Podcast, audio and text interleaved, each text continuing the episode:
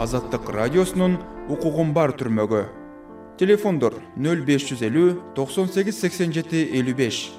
нөл беш жүз он алты нөл беш отуз бир. Саламатсызбы? Азаттыктын укугум бар түрмөгүн уга баштадыңыз.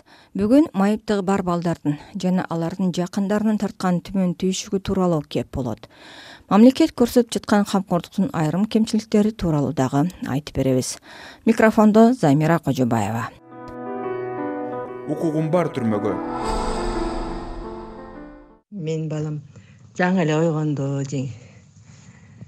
баламды которуп атам. Тазалап э жаным десе. Памперсин которобуз тишин жууп балама каша жейбиз. Анан эмне кылабыз балам? Анан леченияга барабыз э жаным. Э биздин кичинекей каарманыбыз жеңишбек он үч жылдан бери жашоо үчүн күрөшүп келе жатат. Ата энеси үч бир тууган агасы кезектешип жанынан жылбай кароого мажбур. Баланын майыптыгы бир жаштан өткөндө эле билинсе да ага майыптык макам алгач эки жылдык мөөнөткө берилген. Кийин жеңишбек майыптыгын ар бир беш жылда эки ирет далилдөөгө аргасыз болгон. Жаным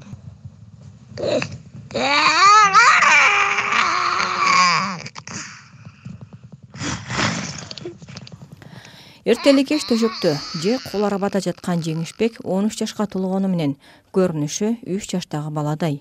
Салмагы он эки он үч килограмм чамалуу. Баса да отура да албайт апасы гүлжан баласына тамак бергенче ал тууралуу бизге айтып отурду.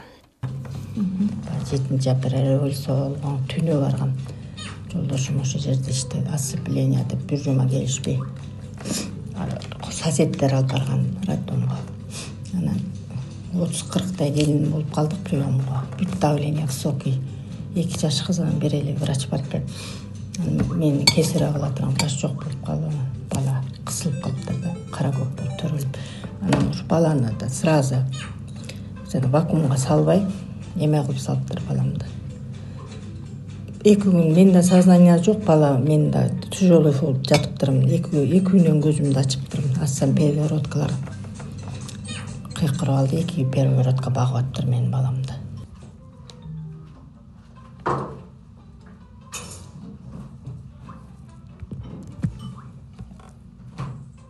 Үч күндөн кийин эле чыгарып үйдө баарыбызды роддомду тазалап алтынчы роддомго төрөгөн анан үйгө келдик. Келген күнү эле мен өзүм температура менен тура албай калдым жолдошум ак өргөн медсестра нуржон эжени алып келди ал келип эле мен эчтеке сайбайм балаңыз келинчегиңди кайсы роддомго төрөсө кайра ошол жака алып бар деди да экөө тең тяжелый экен деп. Э, абысым кыйкырып калды жеңе баланын оозунан көбүк чыгып калды. Дем албай калды анан жолдошум кайным кайра алтыга барсак мына кислородубуз жок экен жатабыз жана ал күнү кым кылып элдер өлүп жана эме аппарат жетишпей скорый жок. Балам машина менен скорый жок эле алып кетишти жалга. Мени болсо роддомго алып калышты маткам абсцесс болуп кетиптир лечение алып жатып калдым аякта. Беш күн жалда патологияда врач айтып калды. Тиги бала комадан ойгонбой атат мамасы келсин материнский инстинкттен может ойгонот деп чакырышты анан. Мен ошол жакта лечениям калган улантам деп эле кетип калдым. Ошо барып эле колумду вакуумга салып сүйлөшсөм эле э балам эртеси ойгонду ошо менен жеңишбекке тамакты майдалап беришет. Суусундукту упчу менен ичет. Баласына камкордук көрүү гүлжандын негизги иши. Ал бишкектин жал кичи районундагы балдар ооруканасынын невропатолог дарыгеринен баласынын майыптыгы тууралуу уккан учурун. Андан кийинки майыптыкка чыгаруудагы түмөн түйшүктөрүн эстеп отурду. Анан ошентип эки эле жылда арландыңарбы эки жыл эле жылда арландык анан ошо бабажан түшүндүрдү бала болбойт болду эме жакшы лечение кылсаң деле бул бала уже поздно деп калды бүт эмеси өлүптүр деди да мен эч кандай эмем эмете албайм деп койду анан ыйлап алып бутуна чөгөлүп алып ыйлап атам. Кыргызстан боюнча күчтүү врач сиз болсоңуз мен каяка муну үйгө алып барып кантип багам деди андан моңдой эле башын чайкап эле. Колун жумуп круглосуточный ыйлаган бала болчу.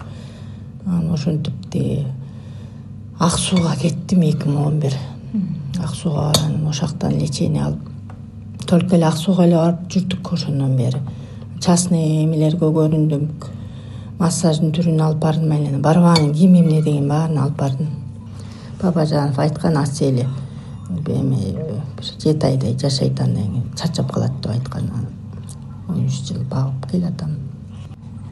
Ошо ошо менен эле күрөшүп келатабыз он үч жыл болду. Мына а эмеге майыптыкка качан чыгарышты он биринчи жылы ошо ак сууда заведующий баир сагыналиевич багы ошол киши айтты. Ай эме балаңа чыгарт десе мен намыстанып бир жыл чыгарбап атпаймынбы жок менин балам инвалид эмес депчи анан баир сагыналиевич өзүнүн памперсин анын мунусуна керек чыгарды анан ошол киши айткандан кийин барып чыгарган. Майыптыкка чыгарганда эки жылга чыгарышты.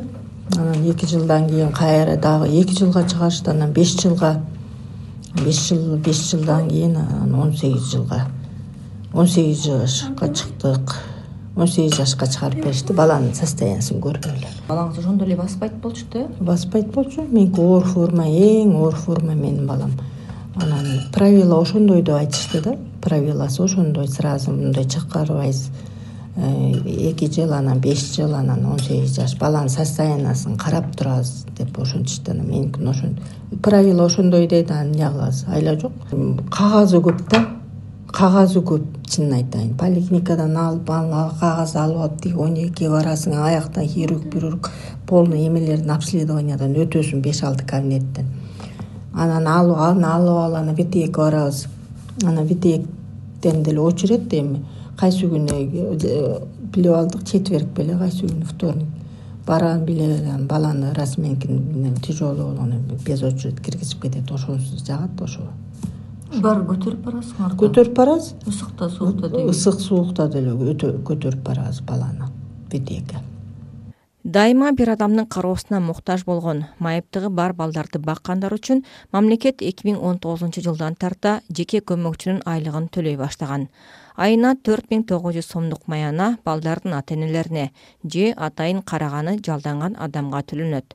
Былтыркы ноябрдан тарта бул айлык үчүн бир миң бир жүз жетимиш алты сомдук салыкты социалдык төлөм катары ата энелер же көмөкчү адам өз алдынча төлөп келе жатат. Ал үчүн патент алышат. Патентти алдын ала алынбаса айлык төлөнбөйт. Салыкты төлөп анан эсеп дүмүрчөгүн алып кайра социалдык коргоо бөлүмүнө барып тапшыруу керек бул үчүн бир күн кечке жүрүүгө туура келет. Тиги таштайм баланы анан патентке барасың аяктан очередь күтөсүң банкка барып төлөйсүң аяктан очередь анан аны кайра төлөп алып тияка көрсөтүп окошкого кирип чыкканча эле налоговыйда эле бир сааттан ашык убактыбыз кетет. Анан кайра ал кагазды алып алып соцзащитага алып барып тиги кабинетке тапшырабыз. Ошол эле убара кылып коет экен да. Тиги налогдон чыга барып эле кайра тиги соцзащитага барып эле бир күн убактың үч саатыбызды ошол жака кетирип коюп атабыз баланы майыптыкка чыгаруу же аны узартуунун машакатын жөнөкөйлөтүүнүн жол жобосун сурап эмгек социалдык камсыздоо жана миграция министрлигине караштуу республикалык медициналык социалдык экспертизалоо борборунун жетекчиси жаңыл акбаевага кайрылдык. Анын азаттыкка билдиргенине караганда кыргызстанда ден соолугунун мүмкүнчүлүктөрү чектелүү жарандарды таануу жана аларды майыптыкка чыгаруу эл аралык классификациянын элементтерине ылайык жүргүзүлөт. Орточо даражасы болот оорунун жогорку даражасы болот жана эң жогорку даражасы болот. Ошонун баарын бизге саламаттык сактоо врачтар ар бир ооруну ар бир оорунун функционалдык кандай өзгөртүүлөрү бар кандай даражасы болот кандай оорунун деңгээли болот. Ошонун баарын бизге ар бир оорунукун жазып берет. Биз өзүбүздүн токтомубуз бар. Биздин токтом кыймыл аракетин эл аралык классификациянын негизинде жазылган бизде критерий категория деген бар. Жыйырманчы жылдын ошол токтомго биз дагы жыйырма экинчи жыйырма бешинчи жыйырма алтынчы главасын кошконбуз кайсы ооруларга кандай эмне беребиз? Кандай критерийлерде? Балдардыкы болобу чоңдордуку болобу балдардыкы жыйырма бешинчи глава. Анан ар бир ооруну именно ошол даражасы боюнча бөлүп чыкканбыз. Эң оор абалда болсо алар балдар он сегиз жашка чейин кетет.